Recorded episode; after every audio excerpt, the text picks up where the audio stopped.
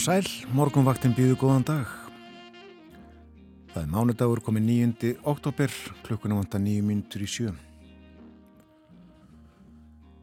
Ringdi tölvert í Reykjavík í nótt og uh, víðar um land. Regnið landi þögg og glugga. Og podlar víða á göttum og gangstéttum. Og enn mun regna í dag.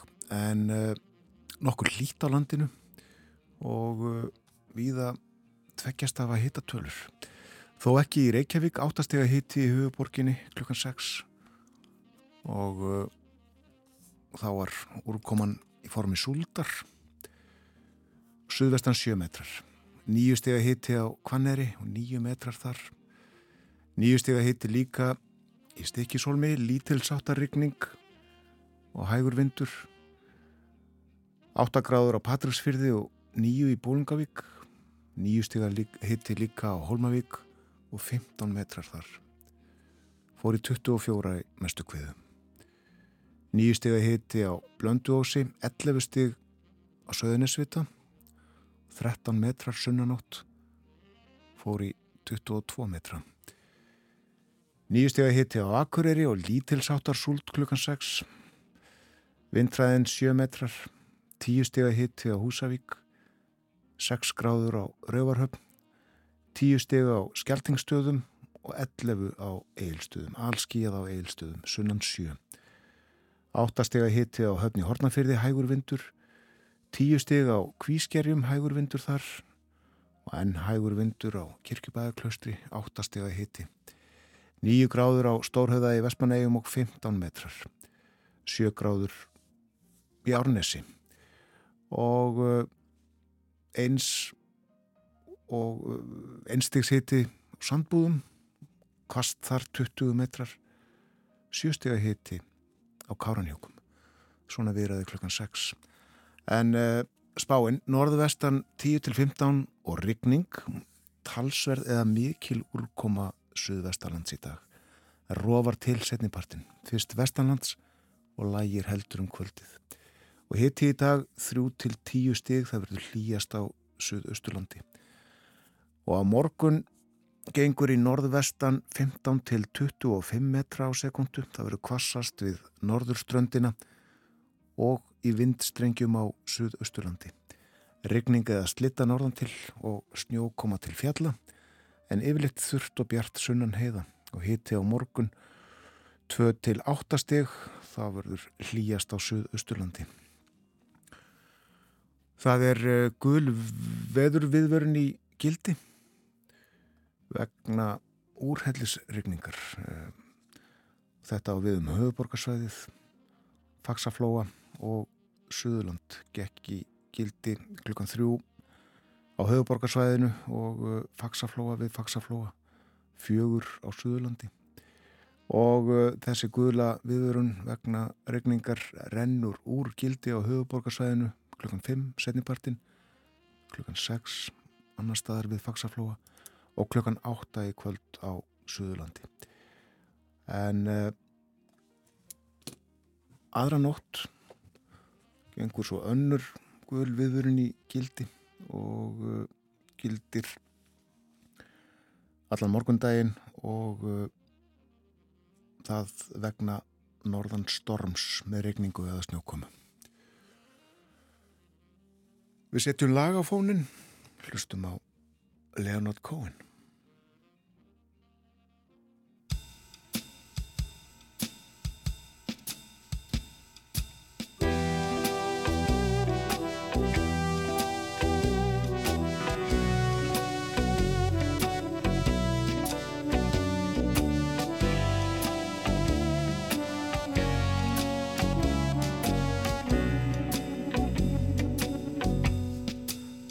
If you want a lover, I'll do anything you ask me to. And if you want another kind of love, I'll wear a mask for you. If you want a partner, take my hand, or If you wanna strike me down anger, here I stand. I'm your man. If you want a boxer, I will step into the ring for you. And if you want a doctor, I'll examine every inch of you. If you wanna drive, climb inside. Or if you wanna take me for a ride, you know you can. I'm your man. Are the moons too bright? The chains too tight? The beast won't go to sleep. I've been running through these promises to you that I made and I could not keep. Ah, but a man never got a woman back, not by begging on his knees. Or I'd crawl to you, baby, and I'd fall at your feet, and I'd howl at your beauty like a dog in heat, and I'd clog your heart, and I'd tear at your sheet. I'd say, please. I'm your man.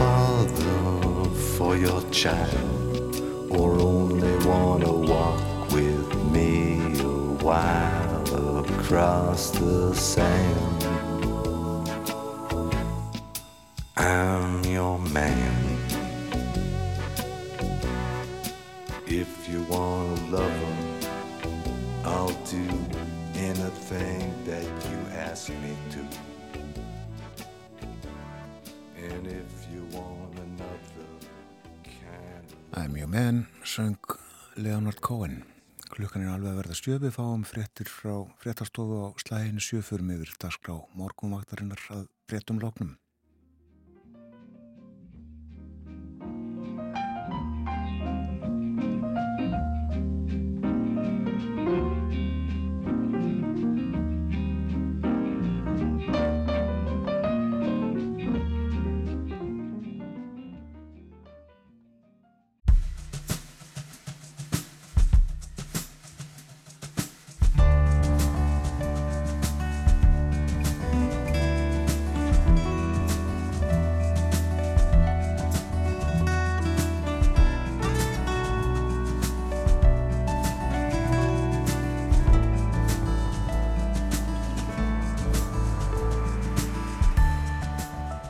Dag, morgunvaktin heilsar, það er mánudagur 9. oktober, klukkan farin að ganga átta. Umsjónamaður þáttarins er Björn Þór Sigbjússon. Þjóðaleðtóðar hafa fordæmt loft árásir Hamas á Ísrael sem hófust á lögatars morgun. Árásinu var svarað og eins og nú horfir er útlitt fyrir langvinn stríðs átök. Björn Málmqvist, fréttamaður í Brussel, fer yfir þessi mál og fleiri í spjalli eftir morgun fréttinnar klukkan átta. En upp úr hálf átta þá fjöldum við um önnur átök þau í Nagorno-Karabakh. Þar hafa aserar og armenar deilt, hafa gert lengi. En nú hafa vist allir armenar yfirgefið þetta sjálfstjórnar hér að í Kaukasusfjöllunum sem er innan landamæra Azerbaidsjan. Við ætlum að reyna að átt okkur á því sem að þarna er að gerast og hefur gest og ekki síst ástæðum þess. Kynna okkur sögunaða baki. Hér verður Rósa Magnúsdóttir Sakfræðingur, hún er profesor í Sakfræði við Háskóla Íslands og hún þekki vel til mála fyrirverandi sovjetlíðvelda Rósa kemur í þáttin eins og áður sagði klukkan hálf átta. Og í síðasta hluta þáttarins komum við heim og fjöllum um saminningu sveitafélagana Vestubíðar og Tálknafjörðar íbúar kjósa um hanna og atkvaða greiðslan heft í dag stendur í tæpar þrjár vikur. Saminning þessara sveitafélaga hefur nokkrum sinnum verið lögð til en ekki hefur orðið af henni enn. Við stáum á þráðin til Lilju Magnúsdóttur, hún er oddviti tálknafjörðar reps og við spjöllum um málið.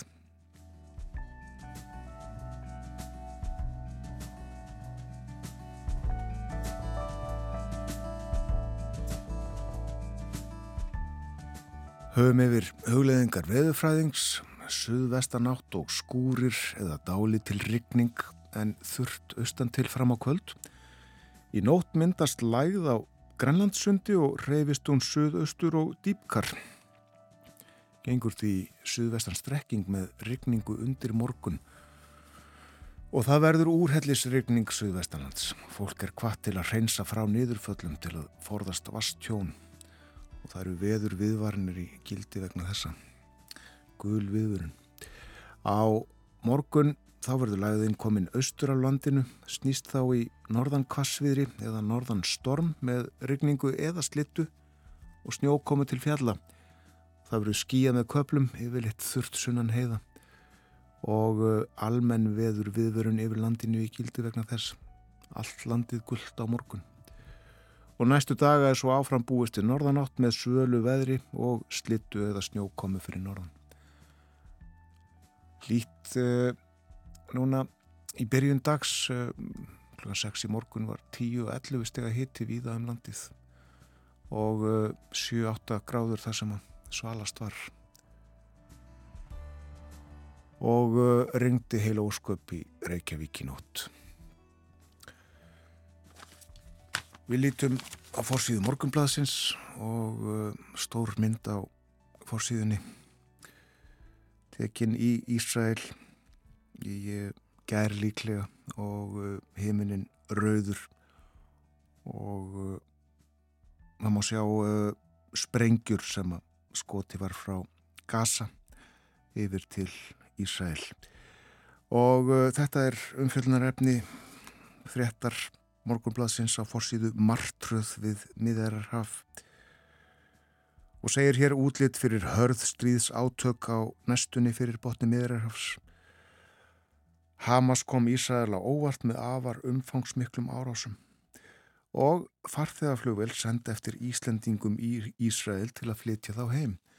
Það var hópur hérðan statur í Ísrael og Utanrikisráð þurra ákvæði gæri að senda flugvél á vegum ríkisins eftir eh, þessum 120 Íslandingum sem að þar eru eins og segir í tilkynningu á stjórnaráðsins strandaglópar vegna ófríðar ástandsins í landinu. Þetta ástand hefur sett allar samgöngur úr skorðum og uh, það er gert ráð fyrir að vélinn fari frá Tel Aviv uh, klukkan rétt rúmlega nýju eftir um, klukk, tvær klukkustundir og uh, farþegar verði komni til Íslandsum miðjan dag í dag. Og þessi áallin er gerð með þeim fyrirvara að uh, verði breytingar á stöðunni í Ísrael. Þá mun frangandi taka miða því og Ísland hefur spjóða Norðurlöndum og Eistrasaltsríkjum laus sæti í vilinni sem ekki nýtast fyrir íslenska ríkisborgara En uh, heilmikið fjallaðum þessi mál uh, í uh, fréttonum, sagt frá fundi öryggisraðið saminuðu þjóðana sem haldið var í nótt í fréttatímanum hér áðan og ymsar fréttir á vefnum okkar á rú.is og allt það nýjasta tiltekið sagt frá Bardugum þau geisuðu í nótt. Loft og eldfluga árásir á báða bóa og uh, líka sagt frá því að uh, bandrækjumenn hafa sendt herskip til uh, Ísraels og olíuverð hefur hækkað tölverð. Við fjöllum um þessi mál hér í þettinum þegar Björn Málkvist verði með okkur talar frá Brussel eftir morgun fréttunar klukkan 8. En uh, fleira uh, eldur kom upp í uh, kjallara hús við Stórhauða í Reykjavík í nótt. Atvinnu húsnaði, einhver lager og uh, slökkvilið hefur glýmt við þennan eld. Nú uh, aðeins að öðru hérna í morgunblæðinu af allt öðrum toga. En uh, Guðrún Guðfinna Jónsdóttir kjólamestari og kennari á aðmali í dag, hún er aldagumul, hundrað ára. Og uh, það er rætt við hana og uh, hún var lengi kvöldu Edda eða er. Og uh, segir hér uh, nafnið Edda kemur frá því að hún átti að heita Guðrún Edilríður eftir langamu sinni en presturinn tók Edilríðar nafnið ekki í mál. Og var hún skýrð Guðrún Guðfinna í staðin en móður hennar kallaði hana ætið Eddu og nafnið festist við hana. Og uh, þetta segir frá uh, æsku árunum á Suðureyri, mikið félagsstarf þar, líf og leikur eins og víðast í sjáarplásum í kringum landið. Og hún segir, sérstaklega er mér minnistætt þegar ég sem smástelpa fekk að taka þátt í saltfiskverkuninni. En á þessum tíma var flattur fiskurinn breyttur út til þurkunar á stórgrítið í fjöru kampinu og þegar veður var kyrt og hlýtt var gamalli kirkjuklukkur ringt til að kalla konur og börn til vinnu.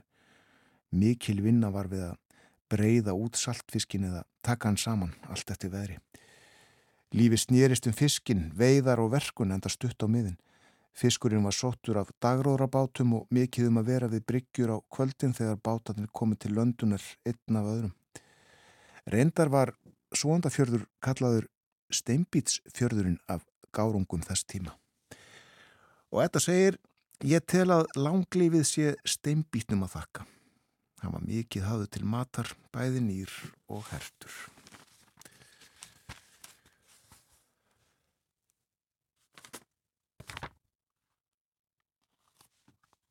Alþingi fundar í dag Þingmenn komni til Reykjavíkur eftir kjördemavikuna í síðustu viku og uh, nefndirnar funda fyrir hátegi, fjálaganemnd, velferðanemnd, stjórnskipunar og eftirlitsnemnd.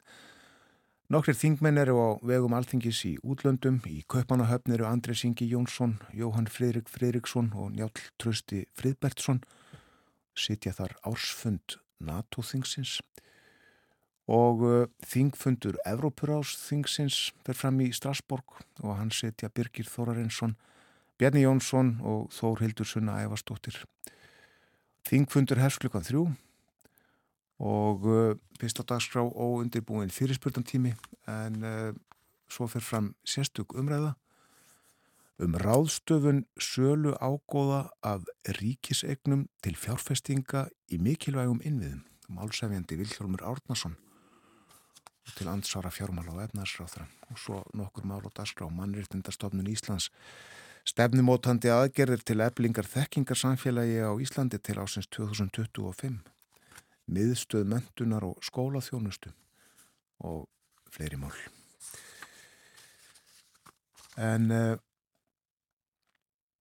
í uh, sögubókum sjáum við að uh, þessum degi, 9. oktober 1943, fyrir 8-10 árum, þá fannst leðublaka á Íslandi. Það hefði ekki gæst áður og uh, nokkrum dögum setna, uh, nokkrum vikum setna reyndar, uh, var sagt frá þessu í vísi fyrirsögnin leðurblaka á langri ferð. Levandi leðurblaka hefur fundist hér á landi. Þetta gerist fyrir skemstu og er það í fyrsta sinn sem leðurblöku hefur orðið vart hér á landi. Leðurblakan fannst austur af kvóli í Mýrdal og uh, gaf Eyjólfur bóndið að kvóli náttúrugripasafninu dýrið. Er búið var að handsama leðublokkuna, var hún sett í kassa og gefið að geta en erfiðlega gekk að fóðra hana. Átjónda óttubur var hún sendt til Finns Guðmundssonar náttúrufræðings og var þá mjög af henni dreyið og daginn eftir þá dóun. Finnur skrifaði um þetta uh, stutagrein í náttúrufræðingin fyrirsögnin Leðurblöku heimsóknin og greinin er svona 5. daginn 14. oktober síðastliðin kom Eyjólfur Repstjóri Guðmundsson frá Kvóli í Mýrdal sem þá var statur í Reykjavík til mín á náttúrugripasafnið og saði mér þau tíðindi að hann hefði fengið fregnum það heimanað frá sér að þar hefði náðst lifandi leðublaka böðst Eyjólfur til að gefa náttúrugripasafninu dýrið og hvaðst myndi senda mér það eftir að hann kemi heim. Og mánundaginn 18. ótóper kom svo leðublakan í mínar hendur.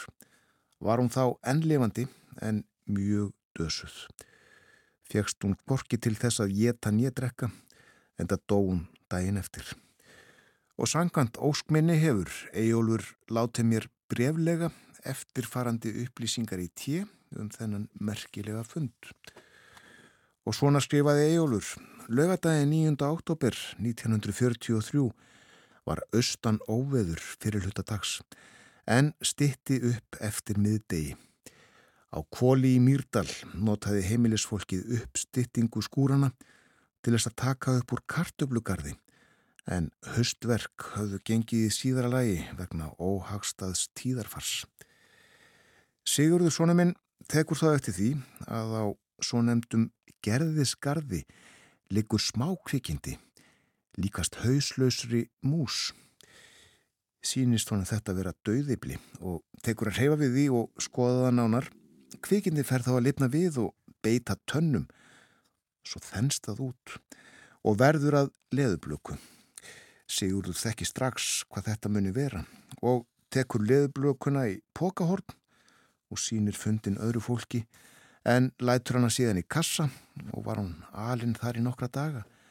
Var henni sleft lausri á kvöldin og flögum þá um herbergið og festi sig síðan einhver staðar á vegnum og þar hjekk hún eins og hún var tekin aftur og látin í kassan.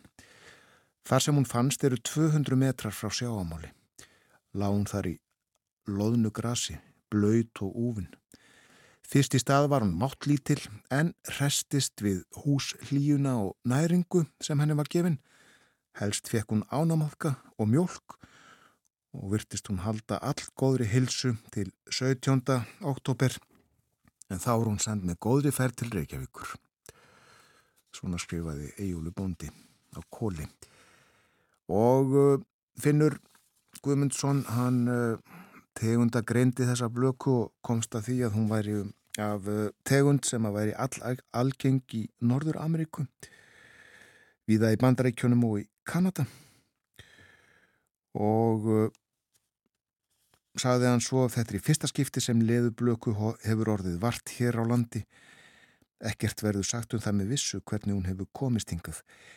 Lítil líkindi eru samt til að hún hafi geta komist alla leið af sjálfstáðum líklega er að hún hafi borist með skipi eða flugvél að minnst að kosti mikinn hluta leiðarinnar. Já, þetta var 1943 fyrir 80 árum og uh, nokkrum sinnum eftir það hefur uh, leðurblöku orði vart á Íslandi en uh, já, bara nokkrum sinnum. Segjum þetta gott af spjalli og hlustum á tónlist. Hér er Keith Jarrett við pianóið.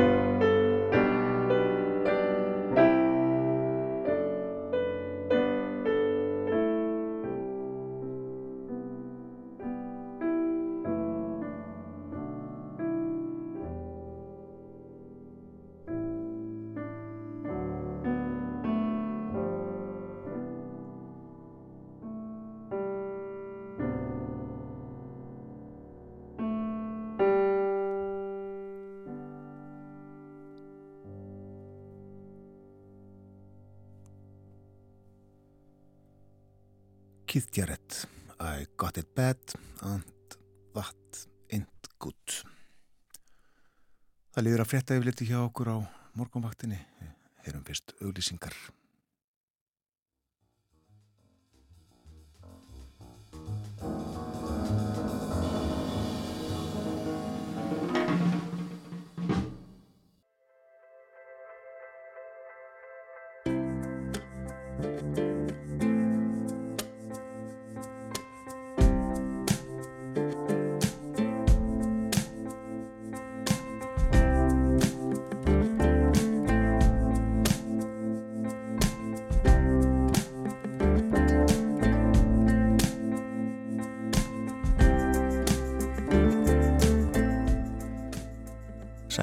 þið erum að hlusta á morgumvaktina á rás 1, klukka núna réttliðilega hálf átta, það er mánudagur í dag, komið 9. oktober.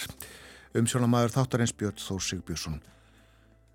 Ég minni á að Björn Málkvist verður með okkur í þættinum eftir fréttinnar, eftir morgumfréttinnar klukkan átta og uh, hann ætlar að fara yfir uh, viðbröð þjóðarleðtoga við uh, ástandinu fyrir botni miðarrafs. En uh, Hamas gerðu loftarásir á Ísrael. Þær hófust á lögadagsmorgun og hafa staðið linnulítið síðan og uh, þeim verið svarað um þetta fjallað ítalega í fréttum um alla helgina og uh, verður áfram. Það er útlitt fyrir hörð stríðs átök þarna. Björn Málkvist hér, uh, já, upp úr átta. Milli hálf nýju og nýju ætlum við svo að fjalla um þessa saminningu sem að uh, hugsanlega er uh, tvekja sveitafélaga á sunnaverðum vestfjörðum, vestubíðar og tálknarverðar hreps. Það er í höndum íbúa ákveða hvort af saminningu verði en uh, atkvæða greiðsla hefst í dag. Við sláum á þráðun til tálknarfjörðar á eftir. Tölum við Lilju Magnúsdóttur, hún er oddviti tálknarverðar hreps. En nú að öðru, öðrum átökum en átök flótti og aðrir atbyrður í Nagorno-Karabakh hafa verið reglulega í fréttum síðustu vikur. Nagorno-Karabakh er hérað eða sjálfstjórnarsvæði eða ríki, fólk lítur misaflega á það, í Azerbaijan í Kaukasus fjallgarðinum og þar hafa lengi verið erjur. Til að skilja atbyrði dagsins í dag er gott ofta að kynna sér söguna og hinga í þáttinu komin Rósa Magnúsdóttir, professor í Sakfræði við Háskóla Íslands en hún þekki vel sögu þessa heimsluta sögu ríkjana sem að áður heyrðu til Sovjetríkjana. Velkomin í þáttinu Rósa. Takk. Hver langt aftur í tíman þurfum við að fara til að átt okkur á því sem er að gerast í dag í Nagorno-Karabakh? Já, sko eins og oft á næri döta langt aftur í aldir. Um, við getum verið að hugsa um bara samkeppni millir kristina armina og svo muslimskra tyrkja en kannski er best í þessu að fara ekkert mikið lengra en aftur bara á 19. öld og, og 20. öldina akkurat núna því að sko þetta Karabakksvæði var hluti rúsneska heimsveldisins á 19. öld og þar byggu bæði kristnir arminar og svo hérna tyrkneskir aserar. En þarna voru átök uh, sérstaklega í kringum fyrri heimsturjöld og eftir rúsnesku byltinguna þá var þetta svæði, Nagorno-Karabakh, gert að svona sjálfstjórnar héræði og þar byggu arminar í meiri hluta en uh, þetta svæði var sér sagt innan landsvæðis Sovjetlýðveldisins Azerbaijan og, og þetta, það tala um þetta sem svona innskotsvæði uh, af því að þarna er þetta umlukið, þetta er svæðið sem að arminar búa en í meirluta en umlukið uh, landsvæði Azerbaijan. Og þarna var svona tiltörulega friðsamlegt í gegnum sovjetíman en það er samt þarna á Gorbatsov tímanum sem að armenskir íbúar þessa svæðis fara að óska eftir aðskilnaði frá Azerbaijan og vilja þá saminast Armeníu.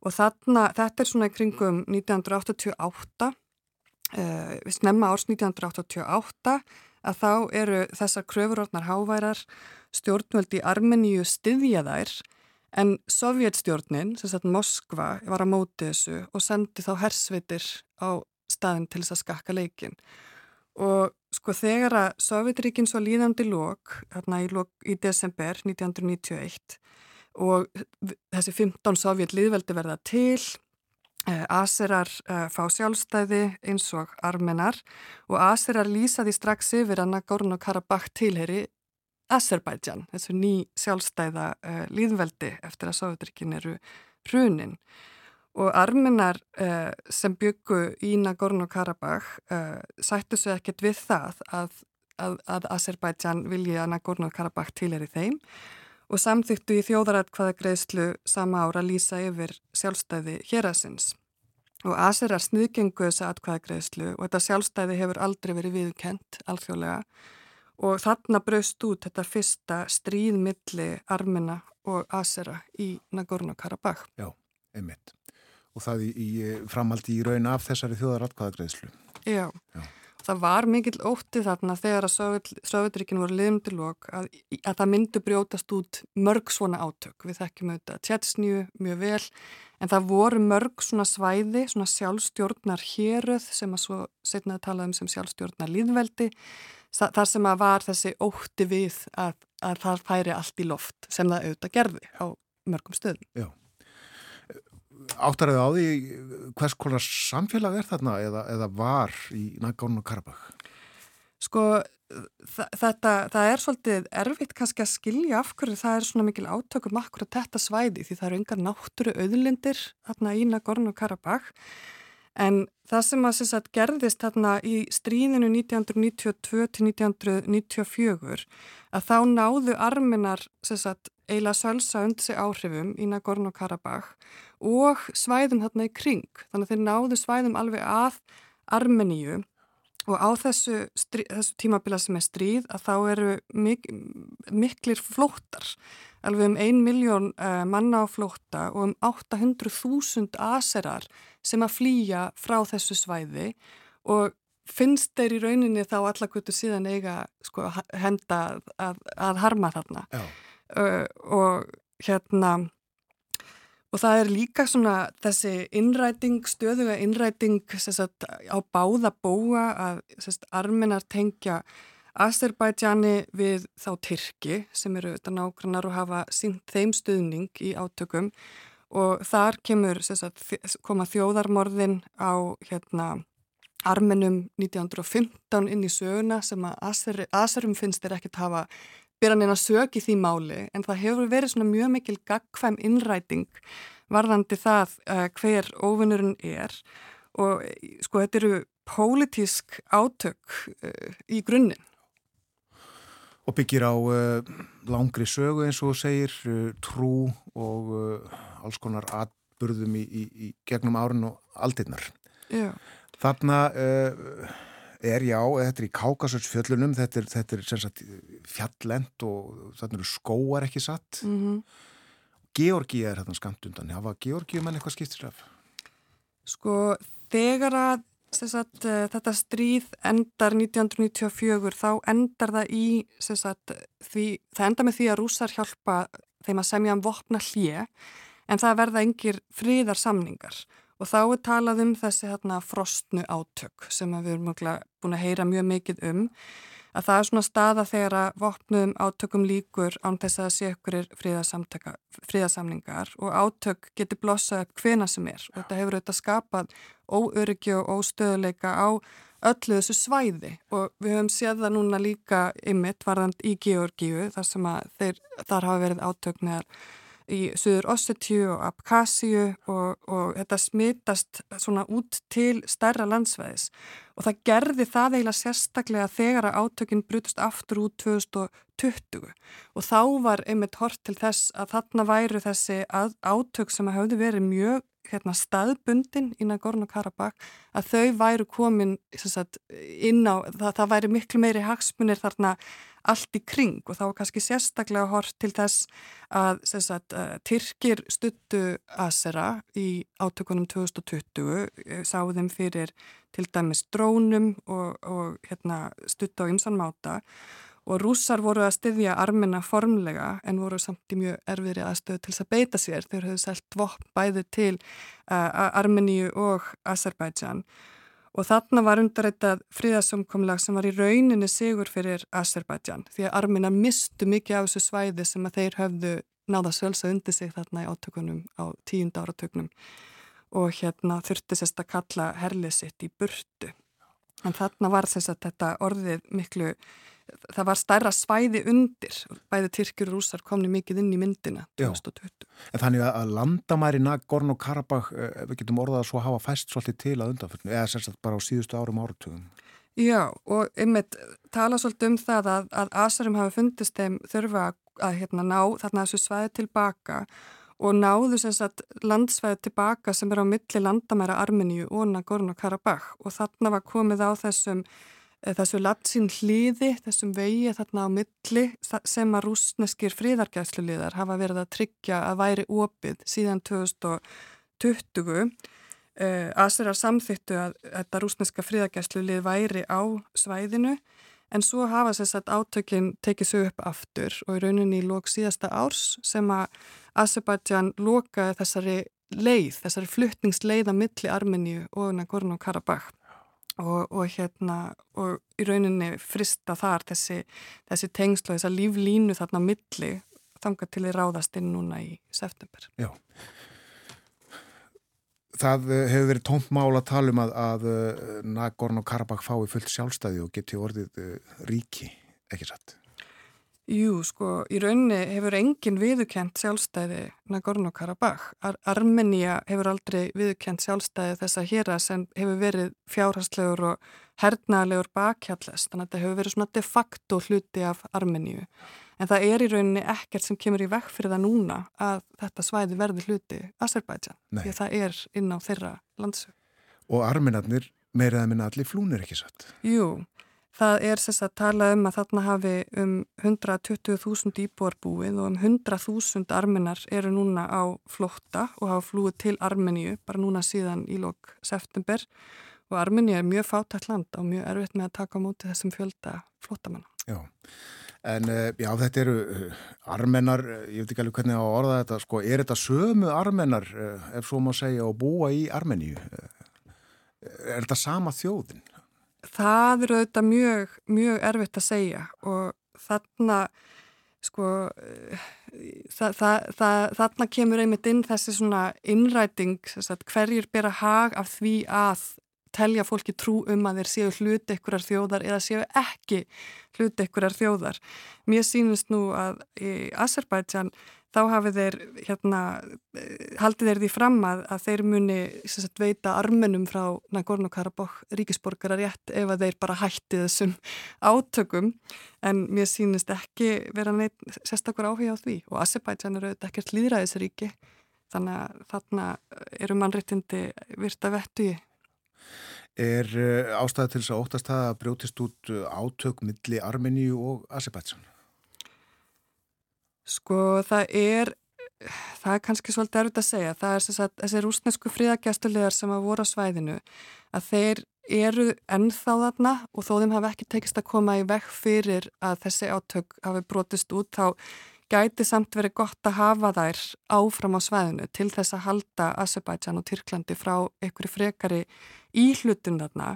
Svo eru þetta mótmæli í Jerivan núna og þarna kemur inn að, þessi tengsl eh, armina við rúsa. Sambandið er mjög erfitt núna og mikil óanæga sem beitist gegn rúsum að þeir hafa ekki náða að hindra þetta en Pútín hefur ekki verið mjög hrifin af Nikol Pashinyan sem er fórsættisar á þeirra í Armeníu. Honum hefur fundist arminar vera að halla sér full til mikið að vestulöndum eh, að þeir hafi leift bandariskum hersveitum að nýta landsvæði til hýrafinga og arminar samþyktu lögsögu alþjóða glæpadómstólsins eftir hann gaf út þessa ákæru á hendur Pútins. Þannig að það er sagt, óstöðuleiki á þessu svæði. Rúsar vilja heldur ekki styrkja, vilja heldur ekki styggja Tyrki. Tyrkland er mjög mikilvægur aðili í viðskiptum við Rúsland núna þegar efnahastvinganir Vesturlanda eru í fullum gangi. Þannig að þetta er sko núna er búið að lýsa því yfir að Nagorno-Karabakh uh, verði lagt niður sem sjálfstjórnahérað í lok árs og þá er spurningum að þarna verði bara ekki mikið eftir af armunum og svæðið haldi áfram að vera á hérna, hluti af Azerbaijan. Já, og sínist er uh, þetta verða líkleg nýðustada svona miða við það sem að hefur gesta undarfarnu? Já, mér finnst það ekki ólíklegt. Sko, rússar eru auðvitað og það er hluti af gaggrinni armena á á Rúsland. Rúsland og Armenar hafa verið í varnabandalagi. Rússar hafa alltaf til samt haldið í fram að það varnabandalag nái ekki til Nagorno-Karabakh af því það er á landsvæði Azerbaijan og rússar eru auðvitað uppteknir annar staðar. Það er hluta gagrinni Armena að þeir sinni ekki þessu svæði eins og þeir ætti að gera því að þeir eru uppteknir í Úkræn. Já. En uh, hvað með önnuríki uh, eh, og uh, alþjóðastofnanir hafa þau og þær sínt þessu áhuga og, og reynda miðla málum eða hvaða nú er? Sko það alþjóðastofnanir eru auðvitað núna mjög mikið að horfa á flóttamannakrísuna og, og styðja þar við bakið á armenum sem er að taka móti þessum flóttamannum og það eru auðvitað áhugavert að horfa þarna í kring sko Ísrael á hagsmun að gæta í Azerbaijan, þau fá ólíu frá Ísrael og vænta stuðnings uh, frá hérna, Azerbaijan í tengslum við deilur Ísraela við Íran. Íran eru þetta þarna í næsta nákrenni og hérna, hefur hagsmun að gæta.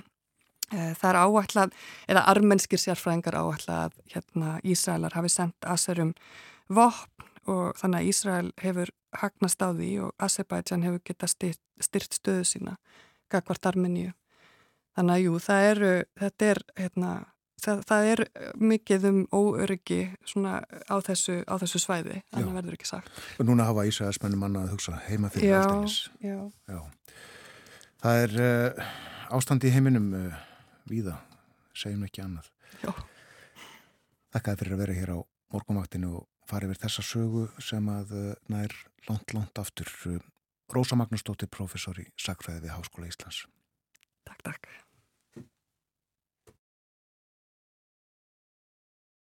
I got a right to sing the blues I got a right to feel all down I got a right to hang around down around the river.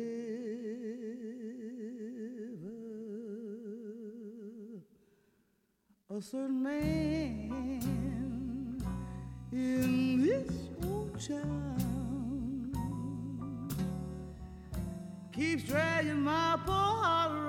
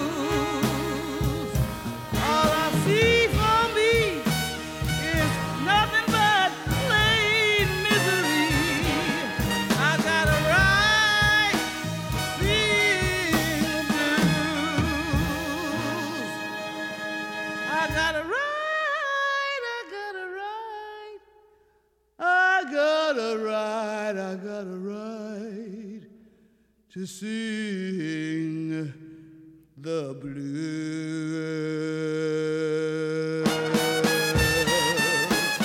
I got a right to sing the blues.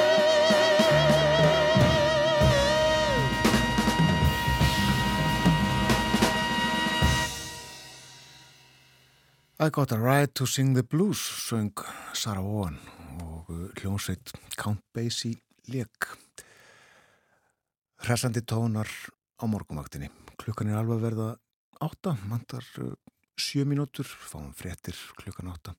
Og eftir þær verður Björn Malmqvist með okkur, talar frá Brussel og uh, við ætlum meðal annars að fara yfir viðbröð þjóðaleðtöga við uh, ástandi mála fyrir botni miðararhafs árásum Hamas á Ísæl og viðbröðum við þeim. En uh, í kvöld verður uh, friðarsúlan í viðei tendruð. Það er í 17. sinn sem að það er gert. Það verður aðtöfn í viðei klukkan 8 og uh, fólk getur sótana, getur silt þarna yfir. En ég held að það þurfa að skrá sig í viðeiferjuna og um þetta er hægt að finna upplýsingar á við Reykjavík og Borgar. Og heilmikil dagskrá uh, verður tónlist flutt meðal annars og uh, þar kemur fram tónlistafólkið Emiliana Torrini, Tina Dicko, Marketa Irglóa, Pétur Ben og Helgi Jónsson og Dag Bjegjesson borgastjóri flyttur ávarp. Já, fer uh, vel á því að fríðarsúlan verði tendruð í dag eins og ástandið er í heiminum.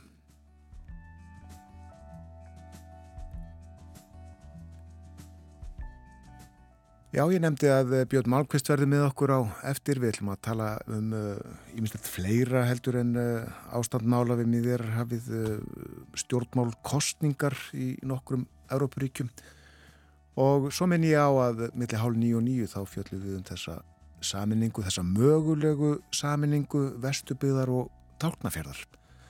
En fréttir koma hér eftir skamastund.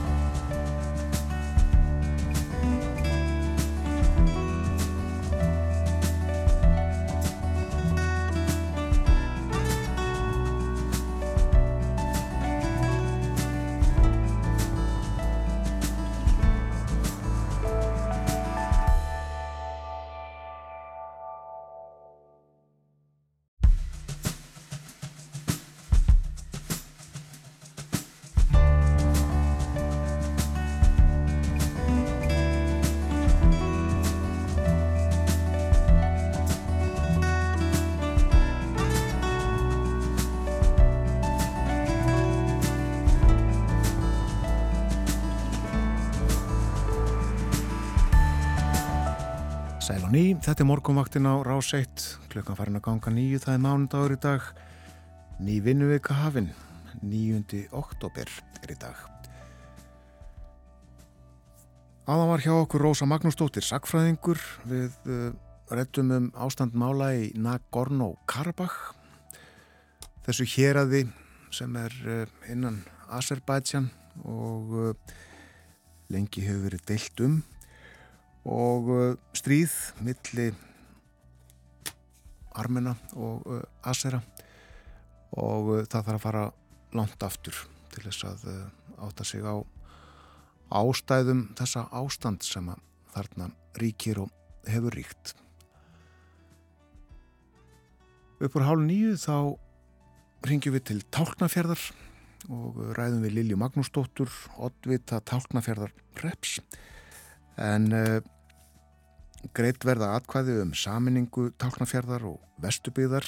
Atkvæðagreðsla hefst í dag og uh, stendur í næstum þrjár vikur. Þessi atkvæðagreðsla fer fram með uh, nýju fyrirkomulagi eftir uh, nýjum reglum sem að Lilja segir okkur frá og hún segir okkur líka frá kostum og göllum þess að samina þessi tvö sveitafjölug á sunnanverðum vestfjörðum. En nú erum við komin í samband við Björn Malmqvist í Brussel. Góðan dag Björn. Góðan daginn.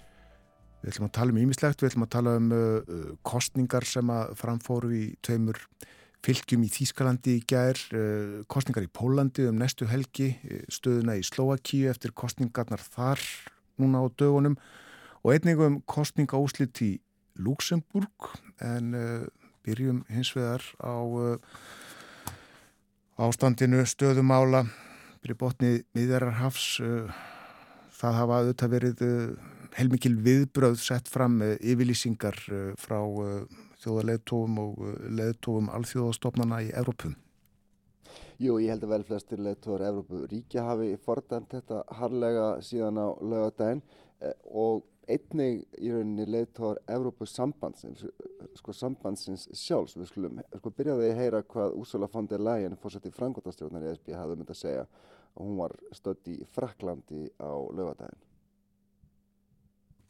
Je condamne avec la plus grande fermeté l'attaque insensée menée par la Hamas contre Israël. Nu un acte de bravoure, c'est purement du terrorisme et l'Israël a le droit de se défendre.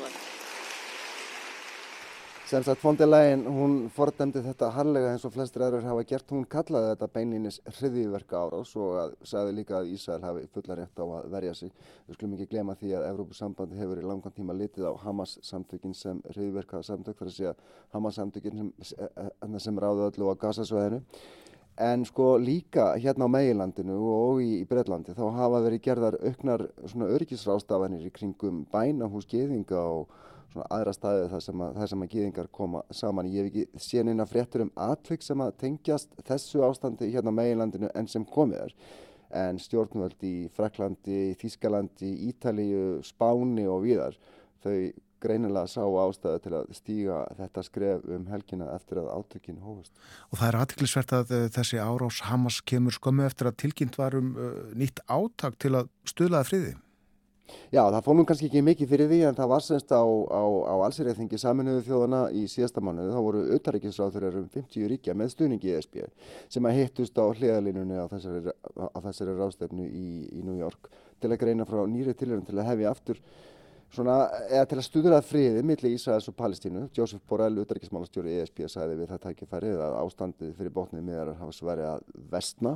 Uh, hann var greinilega fórspár í því samingi. Mm -hmm. Þetta var einlega svona frekar ný og fersk nálgun í staðin fyrir að velta sér fyrir sér hvernig væri hægt að koma á friði. Þá voru settur upp svona hópar sem átt að koma til og um, hvernig ástandi geti litið út þegar að friður væri komin á. Það var að segja, það er að segja svona meiri gullrátt heldur en, en svipa þessi vinna átt að hefjast inn í Brussel í, í sko, þessum mánuði. Ég veit ekki hvernig það plan lítur út núna en eftir atbyrðu helgarinnar en mig grunar að það hefur sett á ís. ESB hefur, hefur eins og mjög lengi verið mjög innveiklað í málefni Palestínu og veitir mikinn störing þánga og stefnan hefur alltaf verið að stiðja Palestínumenn í að stopna sitt eigi ríki þar sé að tveggja ríkja lausnin og ég held að það breytist ekkert en, kemur, en þetta kemur eins og var á svolítið erfiðum tíma fyrir ESB sem að náttúrulega hefur verið mjög upptekið af Hamas ekki Palestína. Þetta er auðvitað snúið og, og ja. verður að hafa Akkurat. það í huga. Akkurat. Nó, um þetta í byli, eins og ég sagði áðan, þá var kosið í tveimur fylgjum í Þýskalandi í gær, Bæjaralandi og Hessen og niðurstöðunar þannig að stjórnarflokkarnir í Berlín, já, þeir eru með bögum hildar eða hvað? Já, sko, það má kannski sumina niðurstöðuna þannig. Þetta eru tvö stærstu fylgjónum í Þýskalandi, það er búið 13 miljónir í Bæjaralandi og ríflega 6 í Hessen.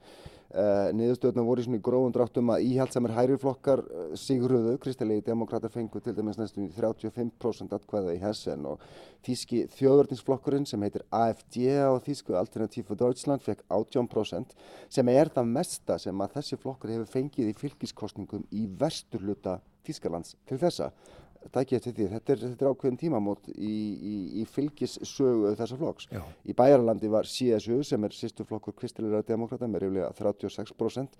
Það kannski kemur ekkert gríðalega óvart en þetta er samt vestan niðurstaða þessa flokks í rúm 60 ári í, í Bæjarlandi.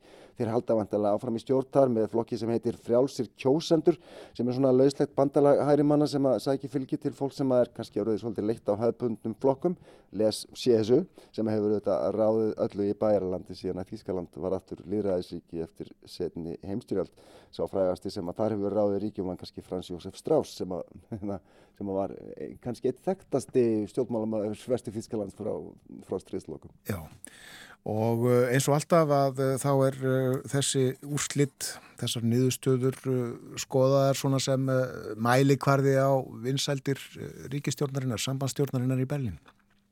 Jú, þetta eru stór ríki, mannmörg og allt það og, og, og þótt að þetta væri náttúrulega svona svæðisbundin kostningar, þá var málinn sem að voru reddar voru svona mál sem eru kannski redd meira svona landsvettvangi og niðurstaðan var bara hreint ekki góð fyrir Ólaf Scholz leitt og jafnaðamanna SPD, hans flokkur jafnaðamenn fór ekkert vel út úr þessum kostningum eh, vinsaldir hans og annar flokka í stjórninni hafa verið á niðurlega undanförnu. Það hafa verið ósetti með ímisletti innan stjórnarinnar og svona óánægi almenning sem kom fram um helgina og kemur sennilega fram í næstu fylgiskostningum. Það verður kosið í þremur fylgjum í Þýskalandi á næsta ári í austur hluta Þýskalands aðalega og þar búast flestir við að Þýski þjóðarninsflokkurinn sem er sterkur þar, hann eigi eftir að auka fylgið sitt þarna enn frekar. Já, innflýtt þetta mál til dæmis ofalega á bladi í kostningabaratunni eins og Artur Björgum Bodlason sað okkur í síðustu viku og við förum betur yfir þessi úrslitt með honum með mitt hér á morgumvaktin í fyrramálið. En uh, snúum okkur Björn Málkvist að Pólandi, þar verður kosið á sunnudag og þar er venjulega tekist harta á fyrir kostningar. Bara áttan núna, hún hefur verið óvanalega, hörði það ekki, og óvægin. Jú og enda líka það er mikið í húfi, ég menna stjórnarflokkurinn lög og réttlæti hefur verið við völd síðan 2015, svona Svona, þeirra hensti anstæðingur borgaravettfangur sér núna tækifæri til þess að ná aftur völdum. Þannig eru sérst tvær blokkir sem að takast á í pólskum stjórnmálum. Það er sérst löguréttlæti eða stjórnmálflokkurinn sem heitir PIS eða PIS á pólsku eins og það er skamstafa og hins vegar er það flokkur sem heitir borgaravettfangur. Löguréttlæti hefur verið völd, við völd síðan 2015 eins og ég sagði. Þessi tveir flokkar hafa verið að skipta á að halda völdum síðan 2005. Þeir eru svona ekkert ósvipaðir í mörgum stefnumálum, svona báðir frekar til hægri en munurinn er sá að lög og réttlæti er mun íhaldsamri flokkur til dæmis hvað var það samfélagsmál, hvað var það rétt hvenna til tungunarof sem þeir eru mjög á móti og hefur valdið miklu mótumælum í, í Pólandi, eh, þeir eru mjög áfram um svona tengsl við katholsku kirkjuna, hefbundin fjölskyldugildi og anstuðu við réttindabaratu hins eginn fólks á meðan að, á meðan að bort að meðan að borgaravettfangur er mun frjálslindar í, í, öllum, í, í öllum þessum málum. Og segjum á að kostningabaráttan hafi hverstund tvo einstaklinga, annars vegar leðtóa PIS og hins vegar leðtóa borgaravettfangs. Já, það er sérst Jaroslav Kaczynski, hann er leðtói í PIS. Uh, bró, bróður hans hétt Lech Kaczynski var fósitið Pólans og fórst í, í mjög frægu, ja, frægu í, í mjög hörmulegu flugsleysi árið 2010 uh, Donald Tusk er semst anstæðingur hans, hann leiðir borgaravettfang, þetta eru svona turnarnir tveir í pólskum stjórnmálum og hafa verið undan farin ár. Tusk var fósettisáþara til í hvað, einhver sjö ár til 2014 þegar hann fór til Brussel og var fósetti leitóðar ás Europasambandsins. Hann kom svo aftur 2019 til Póllands í, í, í, í stjórnmálinn þar.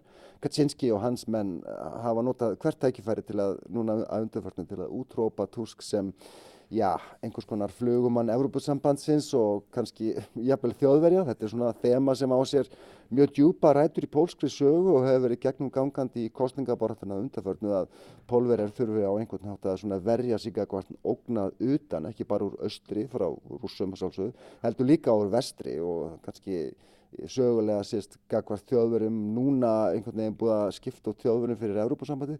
Ég er enda fjallaði ítalega um þetta í heimskviðum fyrir nokkrum vikum og það er mjög gott viðtal við pólskan fræðum um þetta á ennsku sem var byrt í síðustu viku á Roof English podcastinu eða öllu heldur hlaðvarpinu einmitt um þessar svona sögulegu rætur nútíma umræðu í, í pólskum stjórnmálum og ég mæli með eh, að hlusta á það fyrir áhuga fólk sem að vil svona, kannski skilja betur dýnamíkina í, í pólskum stjórnmálum þessa dagana. Ég mæli með þið líka, en uh, hvernig er staðan núna uh, eh, 6 dögum fyrir kostningar? Sko, nýjastu kannanir benda til þess að PSL og réttlæti séum í kringum 34% borgaravettvangur í svona kringum 29%. Fylgið hefur aðeins verið að reytast af lög og réttlæti að, að setja PS á undanförnum árum þegar þeir voru með nánast hreinan meira hluta 2015 í báðum dildum þingsins töpuðunum í efri del 2019 og hafa verið í samstarfi við flokkar sem eru lengra til hægri heldur en þeir. Það eru þó nokkrir En það eru sko þó nokkri svona smæri flokkar bæði til vinstri og hægri í pólskum stjórnmálum en og sá sem að geti skipt kannski hvað mestumáli allavega fyrir lög og réttleiti heitir Konfederatia. Uh, það er svona nánast öfga hægri flokkur sem hefur verið að vaksa undanförnum. Hann sækir fylgi til yngri aldurshópa, aðalega kallmana. Þessi flokkur geti mögulega að farið í samstarf við lög og réttleiti eftir kostningarnarinn. Við skulum spyrja leikslokum við, tölum vantilega um þetta björn næsta mánudag. Þessum að geta reyndar að Óla Ragnarstóttir fréttamaður veður í Pólandi um næstu helgi og flyttur okkur fréttir af kostningurum í sjómarfi og útvarfi heima. Já, og uh, frá uh, einum kostningum til annara það var kosið í Slovakíum síðustu helgi uh, fyrir um fósættisráþura, Robert Fico, hann er komið stjórnarmyndunar umboð. Það var mjög hörð kostningabarta í Slovaki og Fítsó, hann let ímislegt flakka og þar á miðalum Úkrænu og orð hans um það ríki hefur valdið miklum titringi í Brussel. Jú, sko, og ekki ástöðalösu, flokkus Fítsós smer eins og hann er kallaður á Slovaki, sko, hann fekk 23% hvaða séu verið kostningana. Bandalag frjálslendra var með 18% og flokkur sem heitir Hlas eða Röttin, það er flokkur sem var til þegar Smer, þar er síðan flokkur Fítsjós klopnaði fyrir þreymur árum, hann var með 14%.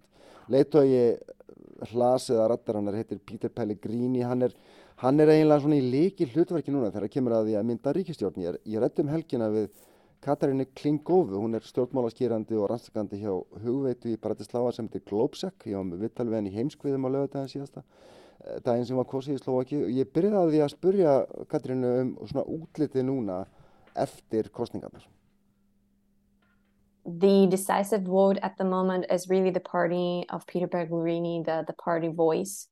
Um, because without them, um, Fico would not be able to form any kind of government because other political representatives uh, and leaders of the parties have declared that they do not want to be uh, and they're not in negotiations with Smer SD to form the government and basically refuse to be in the government with uh. Já, Katrína segir að Pellegrini sé núna í líki hlutverkja því að, að og, sérst, án hans geti Fítsjóri ekki myndað ríkistjórn vegna þess að aðra leiðtúar þar á meðal hjá bandalegi fráslind að hafa í rauninni hafnað Fítsjó þannig þannig að Pellegrini og hans frokkur röttin eða hlasir í rauninni eini möguleiki Fítsjós til að verða aftur fórsettisáþra. Já, hann var fórsettisáþra til hvað, 2018? Jú, hann, ég held að hann hafi verið þrjú tímabil uh, 2006 til 10 og síðan 2012 til 18 hann rökklegaðist frá völdum 2018 í mars ef ég mann rétt, þá voru fjöldamótmæli í, í Bratislava og annar staðar í Slovakíu í kjölfrið þess að það var rannsóknar bladamæður sem hétti Jan Kuciak, hann var myrtur í heima hjá sig í litlum bæ í Slovakíu komið ljósa að Kuciak var að rannsaka spillingamál sem að tengdust fólki í flokki Fítsjós. Þannig að Fítsjó var svolítið eitraður eftir það Uh, ræklaðist frá uh, Pellegrini sem var reyndar þá í flokki í Fítsjós, tók við sem fósættisáþara hann tapaði svo í kostningum 2020 og síðan þá hefur verið mjög mikið los á stjórnmálum. Fítsjó fór í stjórnaranstöðu varð æg svona róttakari talaði meira og meira svona um uh, alls konar samsæriskenningar og mál sem að svona voru svona, svona til þess fallin að kljúfa, kljúfa svona kjósendahópin í, í í Slovakíu og einhvern veginn varð meira og meira á bandi rúsa, sérstaklega eftir að innrás rúsa í Ukrænu hofst í februari fyrra. Já, víkjum þá að þessum orðum hans í kostningabortinu um Úkrænu og innrásina. Hann sagði þér það ekki bara reynd út að ríkistjórn hans myndi hætta að styðja Úkrænu og mæla fyrir um samninga við rúsa en Slovakar hafa sér stutt Úkrænumenn. Já, þeir hafa stutt Ukrænuminn með ráðam og dag voru reynda mjög framilegi í því, sendu vopn, sendu loftvarnakerfi, meiri sé að sko orustuflugvelar, það er sé að gamlar sovjaskar orustuflugvelar sendu þær til Ukrænu í, í sérst, bara skömmu eftir að innrásin hófst. Uh, Fítsjó sagði í kostningabartinu ekki eina einustu skotkúlu viðbót til, uh, til, til, til Ukrænu, hættum að, hættum að styðja Ukrænu, hvað var það, hernaðarastóð og, og, hérna, og semjum við rússa saðan. Hann hefur haldið áfram að tala svona vissuleiti þótt hann segi reynda núna að það verði áfram tekið á móti flóttafólki frá Ukrænu og, og mannúðar aðstof verði veitt en hann hefur haldið áfram að tala um að allri hernaðar aðstof eigi að hætta frá Slovaki. Já og uh, þú rættir uh, þessi mál líka við klingóðu. Já, uh, ég hef mitt spurðana um, um hvernig henni litist á hvað Fitcho myndi segja í rauninni ef og þegar hann verður, já ef hann verður fórsettisáttur, hver, svona hvernig hann muni flítið þetta mál kannski á vettfangi Evrópu sambandsins, heyrum hvað hann hafa að segja um það. Uh, he said that um, he doesn't like or the party doesn't like that the EU is not a peace project at uh, that they will openly communicate this uh, criticism um, within the European Union. Já, hann hefur sagt á hann líki ekki að, að Európa-sambandi sé ekki lengur svona, svona friðarsamtök og hann verði óhrættu við að gaggrina þetta á vettfangi ESB. Fítsjóður náttúrulega þarna auðvitað að vísa í kannski svona, ef að segja, hugmyndarfæðarlega grunn að, að því sem að varð svo að ESB þar að segja, þú veist, kóla á stólbandalagi sem var í rauninni stofnað til þess að tryggja frið í í aðmiðli stríðandi hérna, þjóða í Európu í kjálfarsetni heimstríaldar. Þannig að það er svona, það eru margir sem að telja, hann munir líka kannski á einhvern nátt ganga í liðin með Viktor Orbán, fórsettisáttur á Ungverðlands á vettfangi ESB og kannski svona sem að hefur kannski verið svona sáleitögi innan ESB sem hefur, eigum að segja, uh, svona sínt meiri evasendir uh, en í aðrunni flestir aðrir um, um, um í rauninni stöðningin við Ukrænu og svona gert eitt og annað til þess að hamla ímsu sem að hefur verið gert uh, varðandi Ukrænu uh, og þannig geti þeir tveir svona kannski laskað þá ímynd og já, raunveruleika af samstöðu sem að hefur verið innan ESB gagart Ukrænu. Já, Björn, ljúkum spjallið okkar um stjórnmál í Európu á þessu morgni í Luxemburg, þar var kosið um helgina og þar eruðu tímamót. Jú, það er rétt.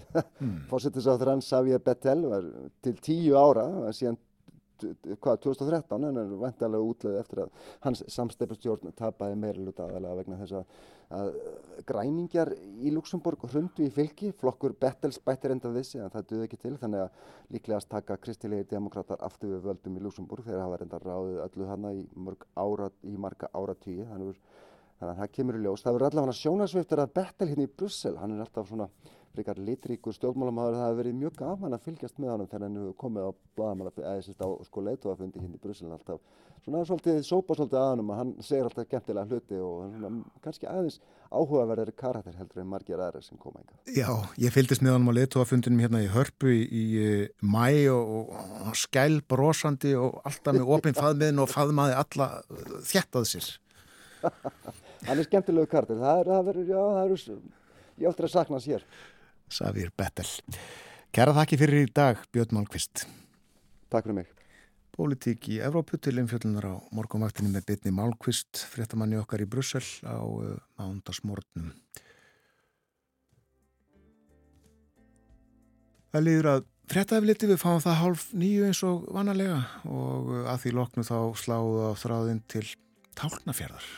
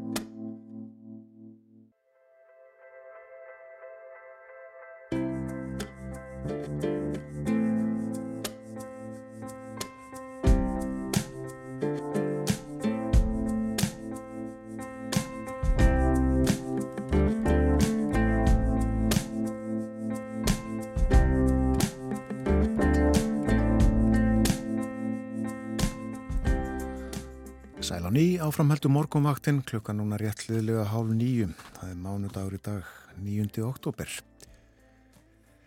Og í dag hefst atkvaðagreðsla um saminningu tvekja sveitafélaga á sunnanverðum vestfjörðum, vestubíðar og tálknafjörðarheps. Atkvaðagreðslan stendur til lögadagsins 20. og 8. oktober en þá er eiginlegur kjördagur. Þá er líka fyrsti vetradagur held ég alveg öruglega. En já, ákverðunum saminningu sveitafélagana er lögð í hendur íbúa að tillögu sveitarstjórnana sem að uh, telja hagfólksins betur borgið saman. En svo nú háttar er þetta svolítið skrítið út frá landafræðinni, Tálknafjörður gengur inn í Vestubyggð, mitt á milli Arnafjörðar og Patræksfjörðar. Það er farið um Tálknafjörð þegar ekkiður á milli byggðalagana í Vestubyggð, Bíldudals og Patræksfjörðar. Og í símanum er Lilja Magnúsdóttir, oddviti Tálknaverðar Reps. Heil og sæl og góðan dag. Já, góðan daginn. Góðan daginn. Ganski rétt áður en við tölum um uh, atkvæðagreisluna uh, segja mér frá verinu. Hefur reynt hjá þér uh, eins og hjá mér? Já, það er reikning hérna, svona jökulbygginu, búið að vera í, í nótt. En annars er svona bara típist höstuður hjá okkur.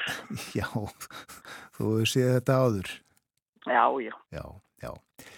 En þá að þessu fyrirkomulagi atkvæðagreifslunar, atkvæðagreifslun hefst í dag og stendur í býstna marga daga, það er stuðst þarna við ný lög eða reglur, er það ekki? Jú, það er stuðst við nýja reglugerðum í bókostingar og þetta er í fyrsta skipti sem er kostið samkvæmt þessari reglugerð í, í, í, í um saminningu sveitafélaga en höfn í Hortnaferði var áður með í bókostningu í vor um ákveði málefni hjá þeim. Já. En þetta er fyrst skipti sem unnið er eftir þessari reglugerð í svona uh, viðamiklum kostningum eins og hjá okkur. Og uh, tilgangurinn sá að sem flesti getur tekið þátt líklega? Já, við erum, syns, það, það er kosið í 20 daga á, og kjörstaðir eru skrifstofur sveitarfélagana á opnuna tíma þeirra og síðan erum við að bjóða upp á færanlegan kostningarstaf, kjörbíl sem að hægt er að panta til sín með fimm daga fyrirvara og það er hugsað svona fyrir stærri vinnustadi og helbriðstofnarnir og, og svona ef fólk telur sig erfitt að komast á kjörstart. En uh, það er líka bóðið upp á uh, að 16 ára eldri hafi kostningaritt og það held ég að sé bara nánast í fyrst skipt á Íslandi. Ég held sé ekkert að fullir að neitt á mikið með það sem að 16 ára fá að kjósa. Já, kostningaaldurinu þetta 18 ára, það er megin reglan og hefur verið lengi. Já, okkur fannst rétt að yngra fólki fengi tækifæri til að hafa sitt að segja um framtíð þessara sveitafélaga sem að þau búa í og því vildum við að því reglugerðin býður upp á það að það sé 16 ára aldurstakmark að þá ákvæðum við að nota það og, og syns að kostningar réttur 16 ára og eldri eru er virkur. Heyrist þér unga fólkið hafa áhuga á þessu? Já, það hefur áhuga og finnst raunar mörgum yngri íbúanum hérna fyrir vestan háls gríti að við skulum bara ekki vera eitt sveitafélag. En vonandi verðum við það eftir 28. oktober. Já, krakkarnir á táknarferði eitthvað vini í vestubið líklega. Já, já. Það, það er mjög mikil samskipti milli, milli, uh, já, milli allra íbúi hér því að við vinnum sitt á hvað, búum á einum staðum og vinnum á öðrum og, og, og keirum á milli og svona og krakkarnir stundar saman íþróttir, það eru íþróttaæfingar hérna og það er mjög upplugt starf hjá, íþróttastarf hjá Hrafnaflokka sem er hér að sambandið okkar og þau eru mikið saman, hafa mikið samskipti og, og hérna og vonandi verður það bara enn betra ef við saminust.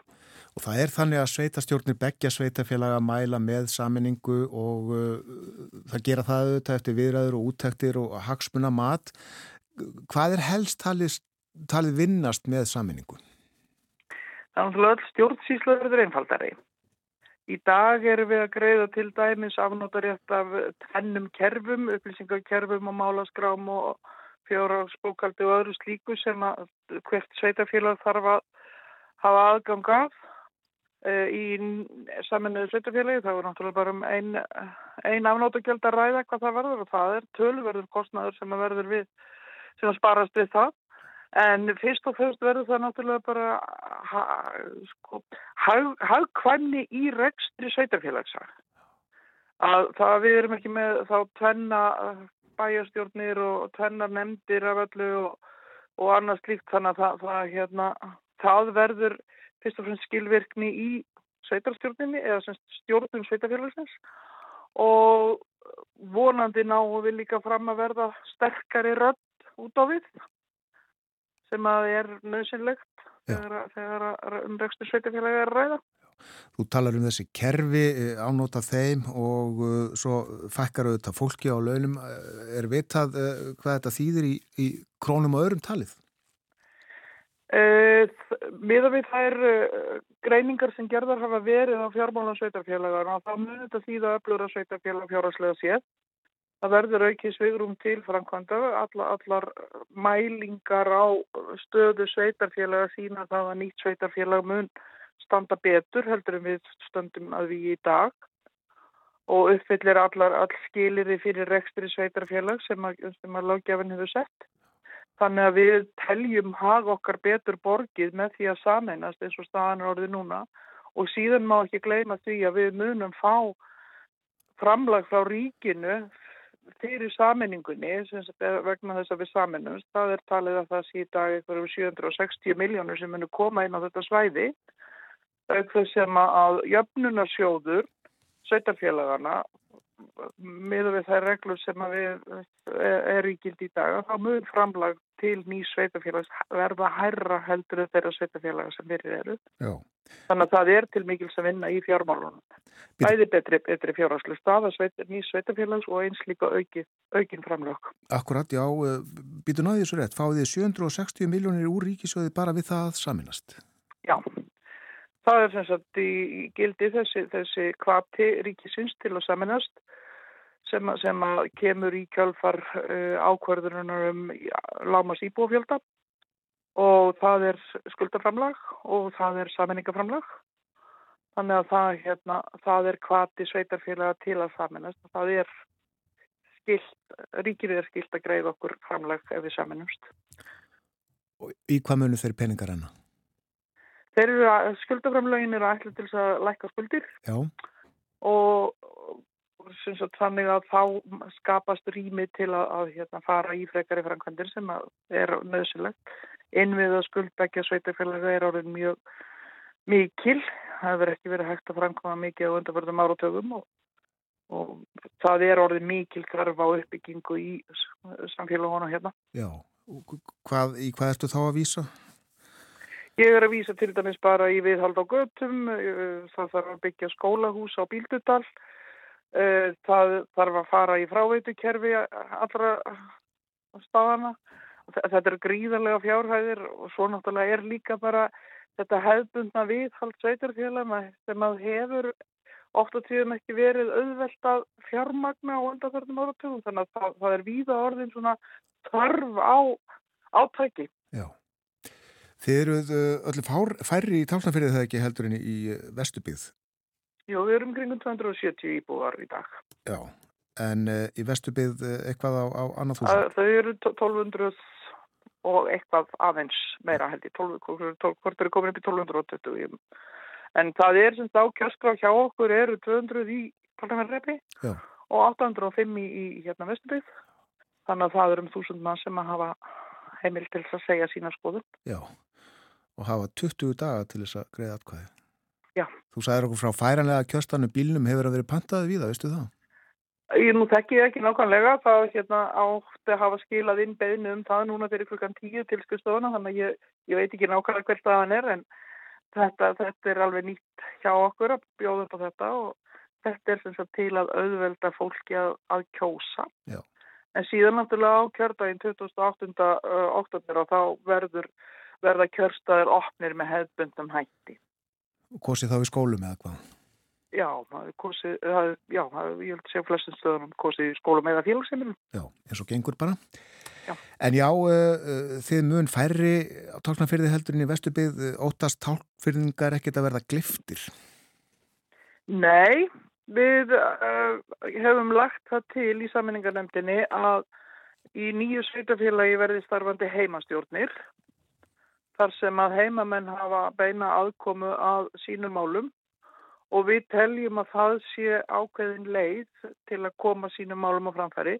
Við höfum fyrirmynd frá þessu frá Múlaþingi, Gröstan, þegar þau samanust og þá settum við þetta form á og eftir því sem ég best veit og þá hefur það gengið mjög vel og við horfum mjög til þess og þeirra reynslu sem þar hefur skapast og teljum að þetta sé leið til þess að ratir íbúðana ná inn í bæjarstjórn. Já, heimastjórnir er mitt á segðisfyrði og djúbói allavega Já, og fleiri stöðum fyrir austar. Og fleiri stöðum, já. Já, já það er... En það er vel að þessu staði sínist mér á öllu kynningarefni og kynningafundir einir fjórir haldnir í síðustu viku um hvað spurði fólk helst? Það var nú bara margt og misjamt. Svo við vorum að spura hvernig við sæjum framtíðina fyrir okkur og við náttúrulega bara trúum á það að við sjáum hér bjarta framtíð. En svo var líka tölvört spurt um samgöngur. Við erum með slæma stöðu í samgöngum hér hjá okkur. Fjallvegur er miklu dælur af fjölfarnasti vegur á, á, á vestjörðum, fjallvegur á vestjörðum og vegurum þar er orðin mjög gamal og bara mjög illa farið og saman má segja með Bíldudalsveg yfir Haldan. Það er hæsti fjallvegur á vestjörðum og við meðum ekki gleyma því að þessir vegi eru innan sama atvinnusóknar svæðis og við höfum farið óskað eftir því við stjórnvöld og komið, þau hefa komið til mótsögum með það að söðufjörðagöng, göng undir þessa tvo fjallvegi eru komin inn í drauga samgöngu áallun og við vonumst til þess að í framtíðinni verði komin hér í Argung bara í náinni framtíð. Sérsagt, annars vegar göng sérsagt frá Bíldudal og yfir í Tálknafjörð og svo frá Tálknafjörð og yfir í Patrísfjörð. Já, við lítum á þetta sem eina framkvæmt. Þetta, þetta er sem sagt tölum um söðufjörðagöng og þetta verði sagt gert í ein, einni framkvæmt. Já. Og þetta mun skipta gríðarlega miklu máli til að sameiningin komi til með að virka eins og til er ætlast. Þegar við erum farin að geta farið hér á milli á þess að hafa áhugir að veðra á vindum að það, þá mun það breyta mjög bara virkni samfélagana hérna og samstarfi og, og samvinna. Hafið einhver lofur um að, að þessi göng verið grafin? Stjórnmálumenn lofa náttúrulega aldrei neina en það er hérna það að þessi göng séu komin inn í dröga samgöngu áallun er gríðarlega stór áfangi. Því að það er ekki langt síðan við fórum að tala um þessi göng og staðan er hins vegar svo ef að þessi göng kom ekki að þá er verður að fara hér í gríðarlega kostnarsamar endurbætur á þessum vegum því að þeir eru engan veginn í standi til að þóla þá umferð sem hér er því að hér er líka gríðarlega mikil umferð með fluttning af, af, af lagsaförðum og fiskaförðum og þetta er orðið löngu tímabær, tímabær endur nýjan á þessum vegum og við teljum að svo endur nýjan sé best með því að grafa hér gung. Mitt. Já, uh, lagsin sjókvíja eldið umdelda, uh, það er heilmikil, er það ekki, og umfánsmikil atvinnugrein bæði í tálknafyrði og vestubyggð? Jú, það, það er mjög stór atvinnugur hér hjá okkur og er í raun og veru það sem að hefur snúið við búsettu hér á sunnamöðunarfjörðunum og vestfjörðum öllum að það var orðið mjög slemt ástandi hér í kringum 2007 en síðan hefst uppbygging heldisins og við sjáum bara allt aðra hluti í dag heldur en voru þá. Húsin okkar eru orðin verðmættari og, og ungt fólk er að flytja hinga tilbaka og það er aukast mjög öll umsetning og velta í samfélagunum og það er náttúrulega eitthvað sem við viljum ekki missa aftur. Þetta, þetta er lífæð okkar að hafa öfluga atvinnu og, og þetta er öfluga atvinnu. Já. En uh, afskaplega umdilt eins og ég sagði, mótmæli á austuvelli helgina, fjölmenn. Já, já, þetta er umdilt og það, hérna, það því miður og þá hafa orðið alvarlegt lýs í þessu, einhverjins í þessu sem við erum mjög ósátt við. En við teljum hins vegar að rekstur þessara fyrirtækja og starfsemi þessara fyrirtækja eigi að geta verið þannig að, að þetta kom ekki til og, og við höfum fylgst mjög mikið með stefnumótum stjórnvalda í lagarældið sem var kynnt í síðustu viku líka Já. og þar er mjög harkalega tekið á öllu sem lítur af svona atbörðum. Það er mjög stífar, það sem fyrir að auka verulega eh, reglur og ákvæði um allt sem að lítur að umhverfi og dýravelferð og öðru slíku og, og, og ef þessi stefnumótum gengur eftir og þá teljum við að stjórnvöld séu komin með tæki til þess að hafa stjórn á svona atbörðum og, og fyrirtækin munu þurfa aðlaga sig af þessum reglum og þetta er, sem, þetta er það sem að fyrirtæki og, og, og íbúar hér og sveitarstjórnarmenn hér á vestfjörðum hafa kallað eftir mjög lengi að það sé skýr reglurammi og það sé farið eftir þeim rannsóknur og eftirlit sé eldar og það sé verið að fylgjast með því sem verið er að gera. Heldur það að sé að þetta gerða alveg fyrir strók? Ég veit það ekki, en ég vona að það verði allavega sem allra minnst. Það er miklar kröfur gerðar til eftirlits í sjókvíja eldi og það, hérna, það hefur hins vegar svolítið vantað upp og það sé því sé fyllt eftir. Uh, eftirlitsmenn uh, stofnarnaríkinsins hafa stundum átt erfitt með að komast hérna vestur og við hér heima getum verið að fara hér um allt og söður og tilbaka á annað og þá hefur það stundum komið fyrir þegar að kvarta yfir þessi vort að komast til okkar. Þannig að við viljum fá eftirlit og rannsóknir heim í hér til að tryggja það að hér sé fylst með og vonandi gengur það eftir. Er lengra frá höfuborgarsvæðin til Tálknafjörðar heldur en frá Tálknafjörði til höfuborgarsvæðisins? það verðist vera mjög oft því miður. Ok, okkur vextu ekki augum að fara, fara á milli en sömum öðrum gerir það. Hvað ertu lengi að þetta reykja aukur? Við erum svona yngur fimm tíma ná. Já, einmitt. Lilja, e, það var áður verið gerðar allugur að saminningu tálknarferðar og vestubiðar, eða ekki? Jú, það var náttúrulega kosið um saminningu fimm sveitarfélaga þarna á áraunum, ég mann ekki nákvæmlega orðtali hvort það var 93 sem var kosið, vestuðið verður síðan til 94. Þá var kosið um saminningu Bíldudals, Barðastrandar, Röðastandsrepp, Patræsreps og Tálnafjörðarreps og þá sögðu tálfeyringar nei, hins veitafélagum sögðu já. Mm -hmm. Við vorum síðan látið kjósa aftur og sögðum ennþá meira nei. En síðan var aftur í saminningarkostningar 2005 og þá var nú sagt nei í báðu sveitafélagum.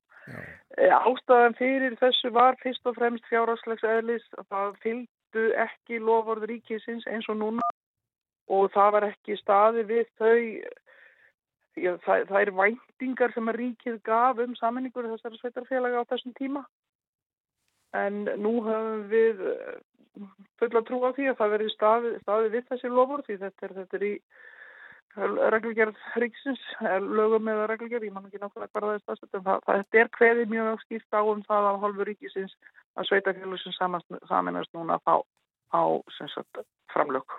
Já. Það, það er fyrst og fremst það sem hefur breytt stöðin. Það breytir öllu þetta.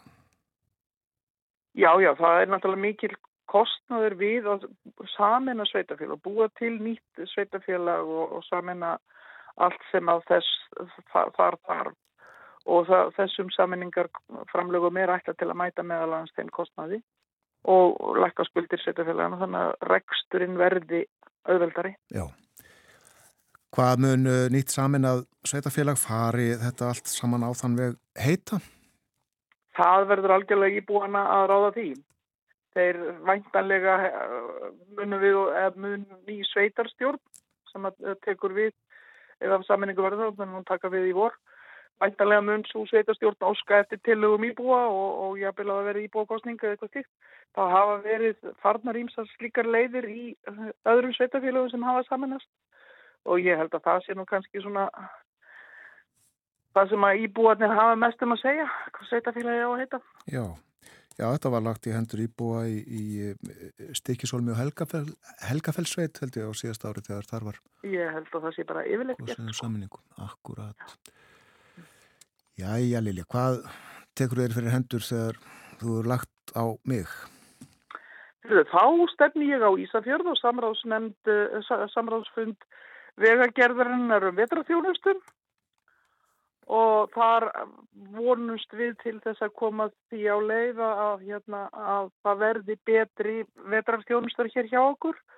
Við búum við töluvert stífar og að okkur finnst úreltar reglur um þjónustu hér á vegum og við viljum fá því breytt. Umferðin hér er orðin markvælt meiri heldur en þegar þessar reglur voru settar á og allt önnur þannig að við viljum fá umbætur á því. Það eru greinlega bara stór og mikilvæg mál á þínu borði. Ha, já, já, það er líka bara gaman að takast á þau og bara gaman að fá tækifæri til að vinna fyrir sveitafélagum sitt og íbúna sína. Akkurat. Þakkaði kellaði fyrir spjallið, uh, segja okkur frá þessum saminningar áhoppformum, uh, atkvæðagærislinn sem hefst í dag og stendur í 20 daga og líkur með uh, svona formlegum ofinbörum kjördegi 28. og 8. oktober. Við sjáum hvað setur. Njóttu dagsins. Já, takk sem leiðis. Lilja Magnúsdóttir er oddviti tálknaferðarreps.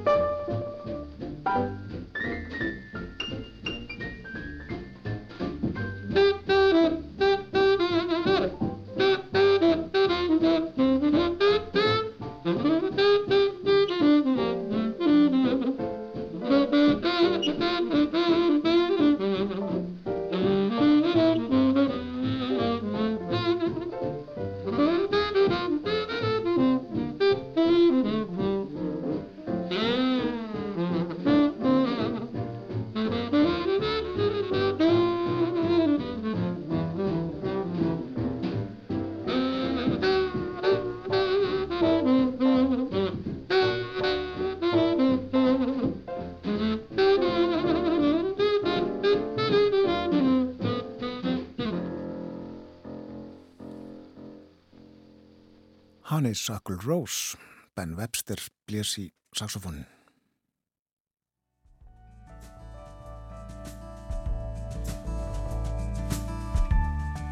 Morgumvaktin er lokið í dag, klukkan er alveg að verða nýju. Hér hefur verið fjallað um eh, erlendmálefni engum. Ástandmála fyrir botni miðjararhafs og eh, viðbröð þjóðarleðtoga við eh, því ástandi einnig var uh, rífið upp sagan sem að skýrir uh, ástandmála í Nagorno-Karabakh þessa dagana og þessi síðustu ár. Hér líka saminning sveitafélaga á sunnanverðum vestfjörðum. Þátturum verður á sínum staði í fyrramáli við bjóðum góðan dag þegar klukkuna vantar tíu mínutur í sjö. Mónum að njóti þessa dagsverði sæl.